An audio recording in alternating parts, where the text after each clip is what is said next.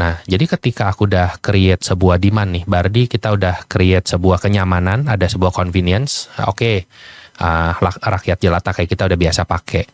Nah, dari situ akan ada sebuah demand. Gak pernah ada satu industri yang orang Indo nggak bisa menang dari orang luar. Aku SD di yeah. Singapura. Iya. Yeah. Di sana waktu itu ada uh, kejadian kurang enak lah sama seorang guru. Dia bilang, ya kalau nggak mau sekolah, deportasi aja. Go back to your third world country katanya. Kalau menjadi yang terbesar di Asia Tenggara, berarti sekarang pasarnya sudah ekspor? Sudah, tapi kita masih 90-an persen di Indonesia. Kalau di Indonesia, kalau boleh share, lebih banyak penjualannya online atau offline? Masalahnya itu aku nggak tahu. Kenapa? Karena kita jualnya itu semua melalui distributor, Om. Ah, okay, Jadi okay, distributor okay, okay. dia jualnya online atau dia jual offline, itu sesuatu yang kita nggak bisa lacak datanya kan. Yeah. Tapi mereka iklan online itu kita yang layani. Iklan online semua distributor kita yang layani dari prinsipal. Nah, dari data yang kita jalanin iklan online ini aja, itu kisaran 40% dari volume penjualan kita. Tapi organiknya berapa itu nggak tahu. Oh, misalnya organik online 30%. Yang dari iklan 40%, berarti offline-nya kan 30%. Yang paid paid advertising online itu kisaran di 40%. Berarti banyak yang B2C ya sebenarnya kalau kayak gitu. Ya karena gimana ya kita harus create demand dulu kan iya yeah. jadi kenapa um, awal-awal nih ada sebuah pertanyaan yang sangat unik waktu di awal-awal kenapa Bardi jualan um, bohlam yang pakai bluetooth ya kan? Semua yeah. range kita ada wifi. Tiba-tiba ada sebuah bohlam pakai bluetooth yang diharga di bawah 100 ribu. Pertanyaan dong kenapa? Karena kita targetnya adalah um, OB kita targetnya adalah asisten rumah tangga. Kita targetnya adalah um, uh, supir gitu ya. Kenapa OB supir sama asisten rumah tangga?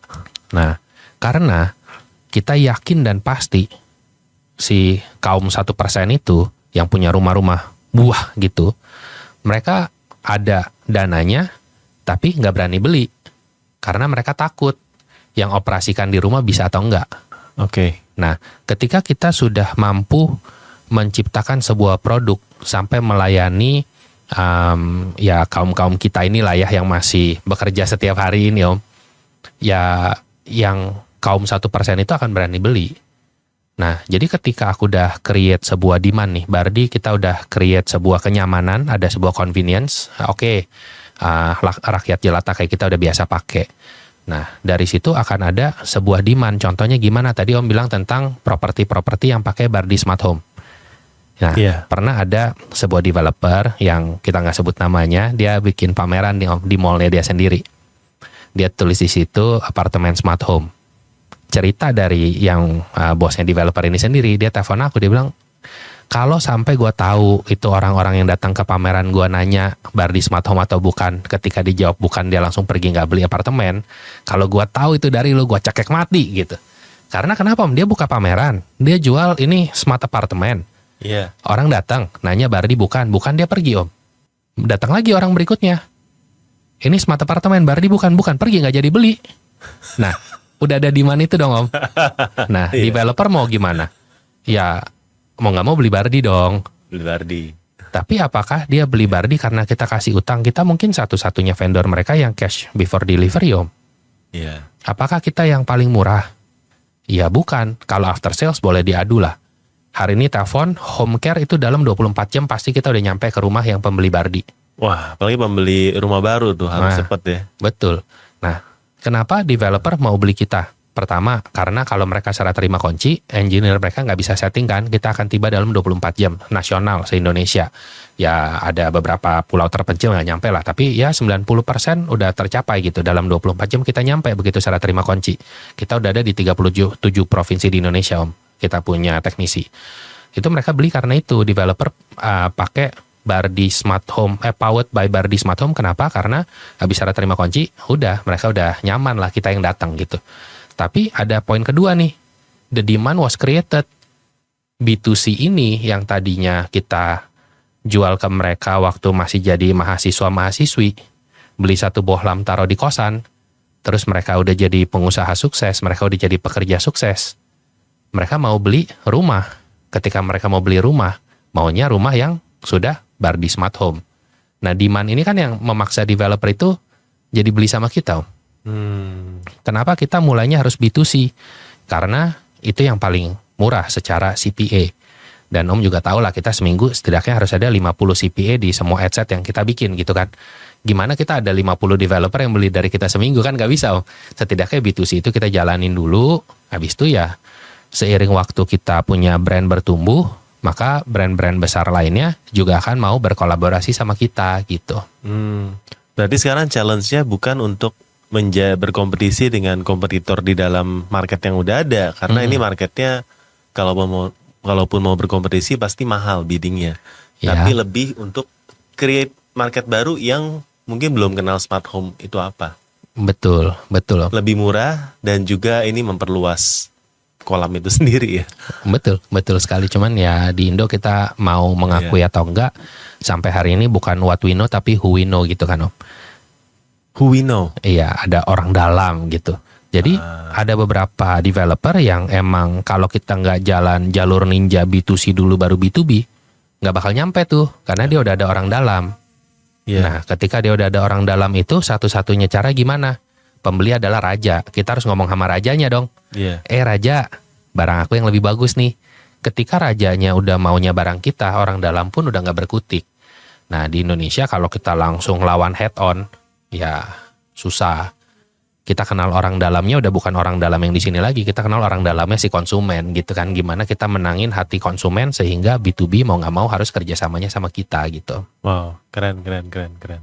Nah, boleh sharing nggak Om? Selain Bardi dan tadi ada distributor yang ini, Hmm?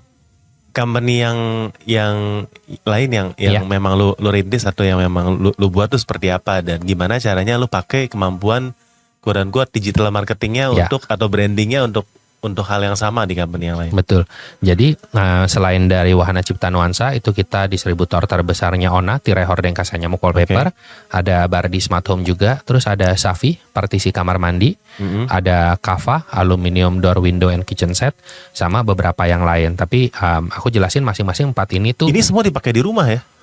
pakai di rumah, ya, pakai di rumah. Dari onanya, terus Iya. bardinya, tadi Iya. ada partisi, terus Iya. ada satu lagi eh, di rumah juga ya? Di rumah juga. Berarti satu ekosistem nih semuanya nih. Ya semoga akan terjadi satu ekosistem. Tapi masing-masing ini aku bikin ada Iya. tujuannya nih om. Am, kayak Ona itu variannya udah, wah udah banyak banget lah. Mm. Itu aku kenapa mulai di sana karena aku mau membuktikan bahwa digital advertising itu kita bisa meet our customer where they are. Itu penting banget om. Orang yang nyarinya kasa nyamuk, mereka gimana cara menemukan iklannya kasa nyamuk. Dan ketika pencet iklan landing page-nya kasa nyamuk. Nah itu kan uh, granular banget lah. How to meet your customer where you are. Itu aku cobanya dari Wahana Cipta Nuansa ini. Nah terus kalau untuk Bardi itu gimana kita bisa menjelaskan sebuah konsep yang abstrak dengan cara paling mudah. Nah itu Bardi tuh. Karena Oke. kenapa smart home nggak bisa laku di offline karena ya SPG, SPB-nya jelasnya sampai berbusa juga nggak bakal bisa. Gimana kita pakai video, pakai banner untuk menyampaikan sesuatu yang rumit menjadi Rumit. mudah. Itu kan itu Bardi. Terus habis itu ada Safi. Safi ini partisi kamar mandi. Partisi kamar mandi ini yang paling sulit itu apa om distribusi. Kenapa? Karena dia harus tempered glass. Tempered glass itu pabriknya adanya di situ-situ doang. Gimana kita bisa jual di mana pun kita mau. Jadi oke aku ada kerjasama sama pabrik tempered glass di Jakarta. Aku nyalain iklan di Jakarta. Ceret, Jakarta jualan. Terus kerjasama sama Surabaya. Ceret, Surabaya jualan. Gimana kita bisa replika dari one city to another atau area yang kita mau dalam proximity dari pabrik tersebut. Nah, terus habis itu ada Kava. Kava itu aluminium door window and kitchen set. Bedanya Kava sama yang lain itu apa? Kava itu makna dari merek Kava ini sendiri, maknanya Kava itu adalah actively waiting. Nah, jadi kita sebagai perusahaan kita actively waiting begitu ada orderan, kita satu-satunya di Indonesia pesan siang ini, besok kita pasang tuh aluminium door and window. Biasanya nunggu seminggu. Kok bisa? Ya karena kita ada skalanya, kita udah berani Iya. nyetok. Begitu kita ukur, kita udah ada sistemnya nyampein ke pabrik, langsung ya langsung produksi, langsung pasang lah gitu. Nah, Iya. ini gimana cara kita menggunakan digital advertising menarget orang yang ada micro moment on demand saat itu. Nah, jadi kita bisa target orang-orang yang uh, nggak tahu mau varian produknya apa, yang tadi dari WCN. Dia bahkan nggak tahu dia butuh barang itu yang tadi dari smart home. Uh, dia ada di posisi yang kita bisa cater, yang tadi Safi. Terus yang Kava ini mereka di momen yang mereka emang lagi butuh saat itu. Contoh, rumah itu paling sering terjadi, mereka pasang lantai nih om. Jendelanya belum ditutup. Tiba-tiba hujan, lantai bakal rusak. Uh. Atau, oh ternyata terik matahari, lantai bisa rusak. Mana mau mereka nunggu seminggu kan untuk jendela. Nah, orang-orang ini nggak semua orang, tapi gimana kita bisa pakai targeting dari iklan untuk menjangkau mereka-mereka ini. Nah, Hmm. itu masing-masing perusahaan yang aku ciptakan itu ada maknanya karena aku mau membuktikan bahwa digital advertising itu bisa loh memenuhi kita tahu orang mau cari apa dan langsung taruh mereka ke sana. Kita bisa creating demand yang bahkan orang belum tahu. They want it, they don't need it, tapi we let them know bahwa kita bisa provide what you want. Uh, kita bisa loh digital marketing itu um, bisa targetingnya kayak billboard juga. Mau di sini, oke kita pasang billboard di sini. Digital marketing juga bisa, proximity di situ.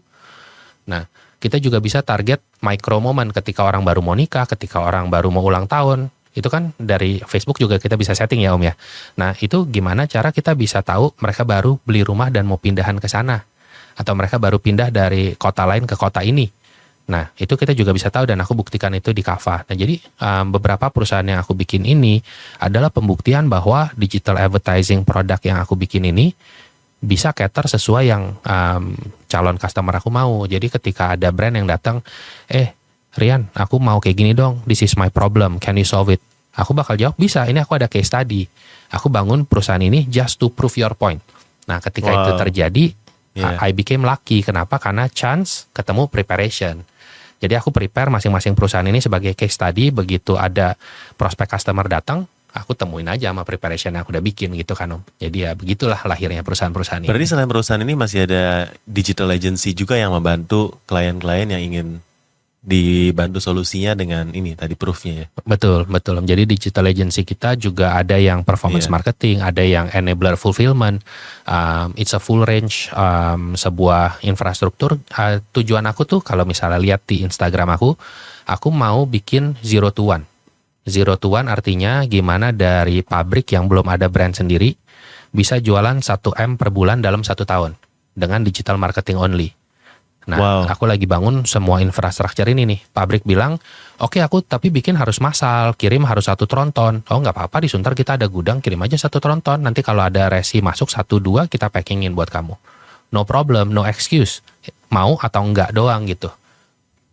Ya kan? Gimana kita bisa tanda kutip memaksa pabrik di Indonesia untuk bersaing pasar lokal di Indonesia seperti pabrik-pabrik di luar sana yang udah menggiur banget sama demand di dalam negeri. Nah, hati aku tuh di situ, Om. Aku mau bikin sebuah bukan digital agency, tapi sebuah infrastruktur di mana pabrik-pabrik di Indonesia itu mereka bisa uh, memenuhi kebutuhan pasar dalam negeri gitu. Kalau lihat dari trennya sekarang, kalau boleh jujur kan kita lihat setelah COVID ini makin masif lah ya, yang Ya. dari luar itu masuk ke sini. Betul, Om. Eh, mereka bikin satu gudang di sini ya Mhm. pabrik-pabrik sana sharing cost untuk fulfillment center di Betul. sini untuk mereka masuk ke dalam langsung ya eh, pabrik langsung ke end, eh, end user lewat marketplace. Betul. Gimana caranya kita eh, sebagai seller atau brand lokal Ya. itu menghadapi persaingan kayak gitu? Karena mereka masuk tuh dengan mungkin knowledge sama expertise atau harga yang kadang-kadang kalau kita sebagai seller bilang gila kita mana bisa lawan sih Betul. sebenarnya. Betul.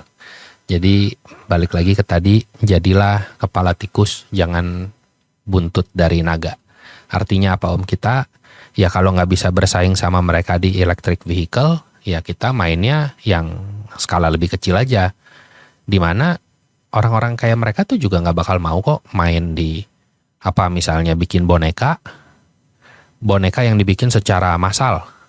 Cari pabrik boneka susah loh di Indonesia. Nah itu kenapa? Karena yang punya duit nggak mau bikin, yang nggak punya Iya. duit nggak kepikiran. Either UMKM kalau level pabrik kemarin soal teman saya baru nanya saya juga Hmm. nggak kepikir pabrik boneka di mana di Indonesia Nah. ya. Kalau ada boleh komen ya teman-teman teman-teman Iya. ya. Pabrik Ah. boneka di mana di di lokal? Sheraton Gandaria Jakarta lagi mau ulang tahun ke-8. Ya. Mereka lagi nyari pabrik yang bisa bikin boneka.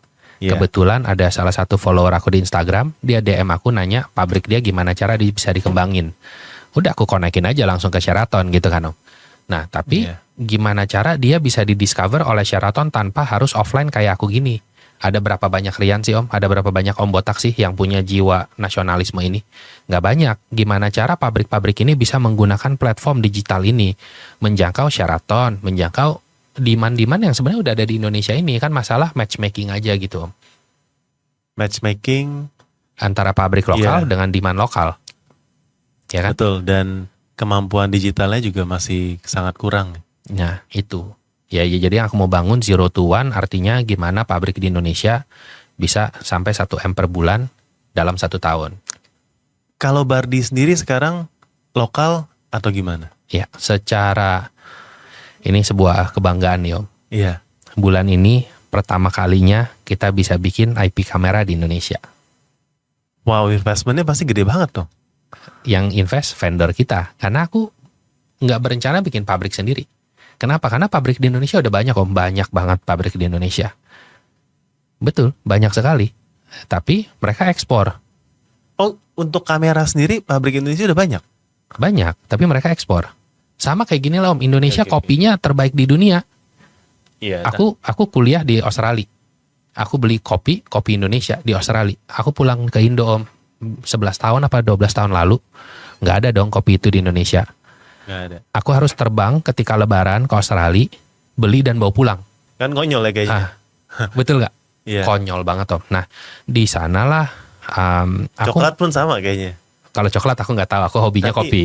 Tapi ada beberapa produk yang memang secara the top quality-nya ya petani atau farmers pasti akan akan kasih ekspor karena harga lebih bagus. Tapi Iya. orang Indo berani nggak beli buah-buah impor dari beberapa, ya aku nggak sebut merek mereka apa karena aku nggak suka mereka jualannya buah-buah impor lah. Am, tapi banyak nggak sih konglo-konglo di Indo yang beli itu di tempat-tempat buah impor itu? Banyak banget. Hmm. Tapi kenapa dijualnya ekspor? Bahkan ada yang ekspor dulu baru impor loh. Terus dibelinya sama orang Indo juga. Punya gengsi yang beda berarti ya, branding ya. masalah matchmaking aja om bukan bukan gengsi bukan branding sebenarnya aku ya di Ona itu di WCN itu aku banyak masang di rumah-rumah konglo om dan aku tahu jiwa mereka sebenarnya nasionalisme juga kalau ada made in Indonesia dengan kualitas yang sama bahkan lebih mahal sampai 5% pun mereka pasti beli yang made in Indonesia. Tapi sekarang masalahnya siapa yang mempertemukan manufacturing di Indonesia ini dengan demand yang ada di Indonesia ini om? Nggak ada. Kenapa digital marketing menjadi penting banget di Indonesia untuk ada ya produsen dalam negeri menemui konsumen dalam negeri itu om. Gimana caranya brand lokal sekarang bisa tetap survive di tengah gempuran dari eh, dari seller-seller luar lah ya kalau kalau mau dibilang Betul. ya. Terutama kalau kita lihat di TikTok ya. Hmm. Eh, jujur gue nggak terlalu worry soal Tokopedia, Hmm. Shopee Hmm. yang lain karena menurut gue kita punya level playing field masih sama. Oke. Kalau TikTok ya bukannya anti atau sentimen, tapi Mhm. gue berasa kita itu a few years behind them. Oke. Jadi knowledge-nya itu nggak sama. Mereka di sana udah punya berapa tahun lebih dulu. Oh cara mainnya gini. Begitu masuk sini, uh, they have the big picture lah. Ya. Jadi jadi kadang gue lihat wah ini ini lebih challenge karena mereka punya pengalaman lebih daripada kita waktu mainin platform ini gitu. ya dari tadi aku nggak nyebut nama Iya. agensi aku nih om. Iya. Tapi agensi aku tuh Buzo Hero. Jadi kalau Iya. dilihat kita itu independent agency TikTok terbesar di Indonesia. Wow. Nggak ada yang bilang kita nggak bisa saing lawan mereka kok. Hmm. Brand yang aku pegang, contoh kayak TCL. Iya. Waktu terakhir terjadian, mereka nomor satu seluruh TikTok elektroniknya. Oke. Karena pakai agensi kita. Iya. Aku nggak percaya orang Indonesia bisa kalah sama orang luar. Oke. Cuman masalahnya yang memiliki pengetahuan ini mau share ke sesama warga Indonesia atau enggak. Bedanya di situ loh. Kalau kita lihat nih, kita nyebutlah negara Cina. Mereka datang berbondong-bondong. Yang tahu satu, orang lain dikasih tahu, kasih tahu semua. Datang, seret, kita masuk bersama. Kalau orang Indonesia begitu tahu ilmu, gatekeep om, dia keep sendiri. Betul gak? Nah, sekarang aku udah tahu nih misalnya ilmunya. Aku sampaikan secara gratis. Dipercaya nggak om? Enggak. Percaya. Orang Oh. maunya bayar. Maunya bayar. bayar dapat barang yang nggak sebagus itu pun mereka lebih percaya daripada dapat barang yang gratis. Betul. Karena branding sih kadang-kadang. Kalau Ya. dengerin yang ini kesannya lebih wow gitu ya. Betul. Bisa jadi. Nah, Iya. tapi kalau aku bikin berbayar, orang baru bisa dengar ilmu digital marketing dari aku misalnya. Berapa banyak yang mau bayar? nggak banyak. Nah, itu kan. Jadi itu itu lagi biasanya bro yang ikut Ah. kelas. paham kan Om? Iya itu, paham itu kan? lagi. Emang orang yang suka belajar nih yang yang ikut yang lain. Betul, Either nggak mau belajar atau pasrah sama kondisi betul, atau ya coba-coba sendiri tapi kan lama ya. betul. Aku ada momen di dalam hidup aku, aku menyalahkan diri sendiri. Iya. Kenapa ilmu yang aku tahu nggak bisa disebarluaskan ke sekian banyak orang? Tapi semakin ke sini, aku makin ngerasa ya ya udah aku bagikan aja secara gratis. Mau tahu tahu, nggak tahu ya udah. Kayak podcast ini kan gratis om. Yang nonton berapa banyak orang? Biasanya kalau ilmu kurang. Nah, betul kan? Kalau kita bahasnya gosip atau yang yang viral-viral lebih wow gitu, lebih clickbait. Tapi Nah. kalau ilmu kayak gini orang tertentu lah. Betul. Iya, Nah itu, itu sebenarnya iya.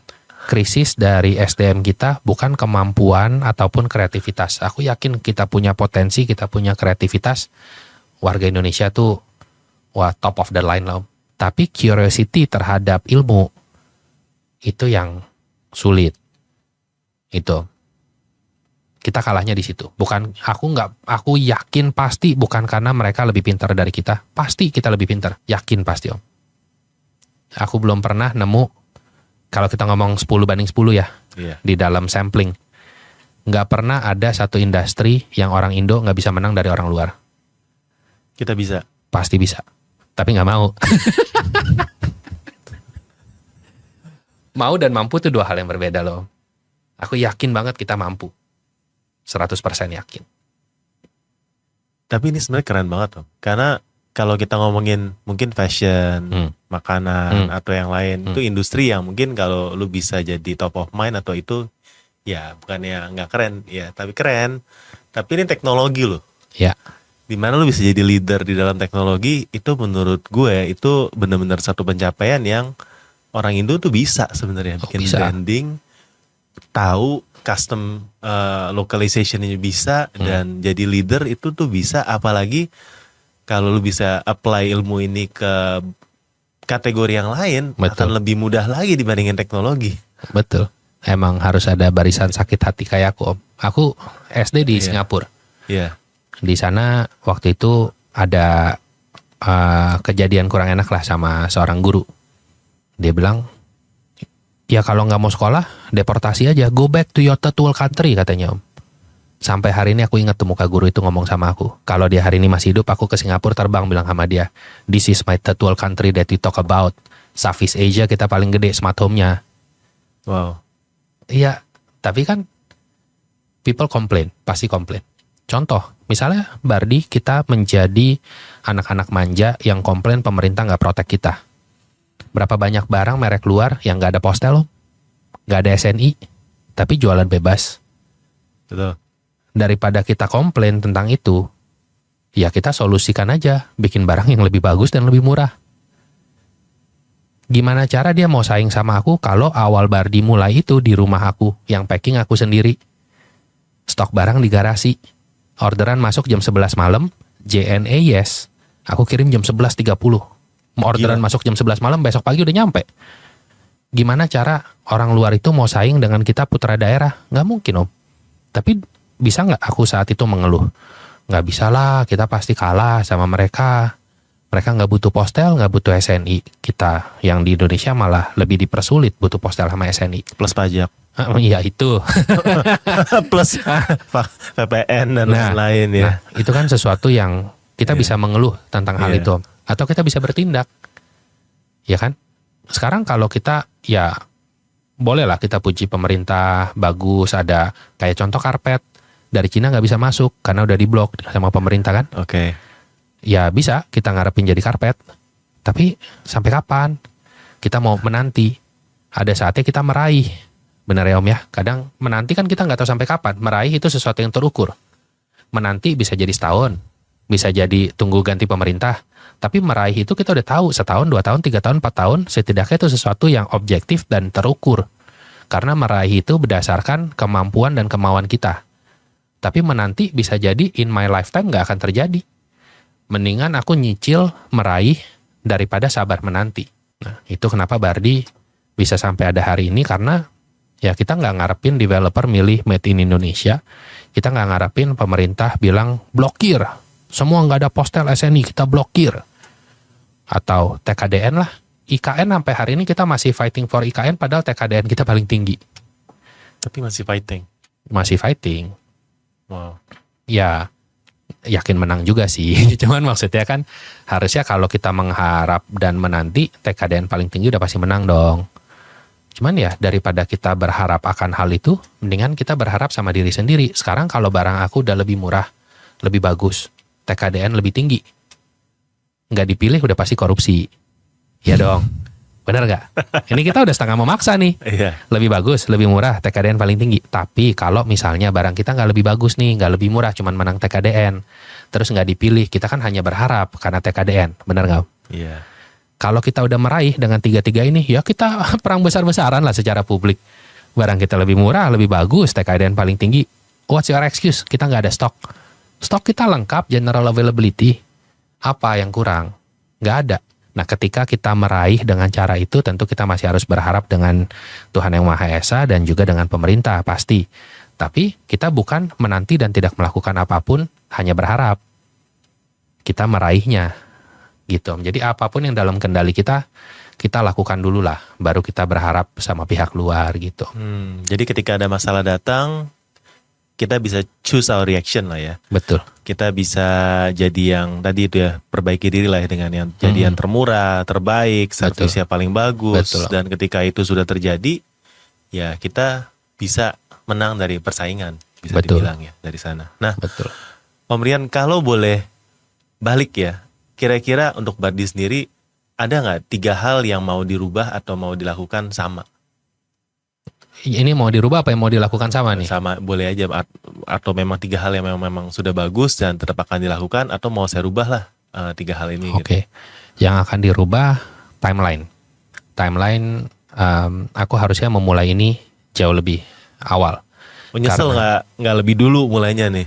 Iya, mungkin bukan mulai Bardi lebih awal, tapi mulai sesuatu yang tepat saat itu lebih awal.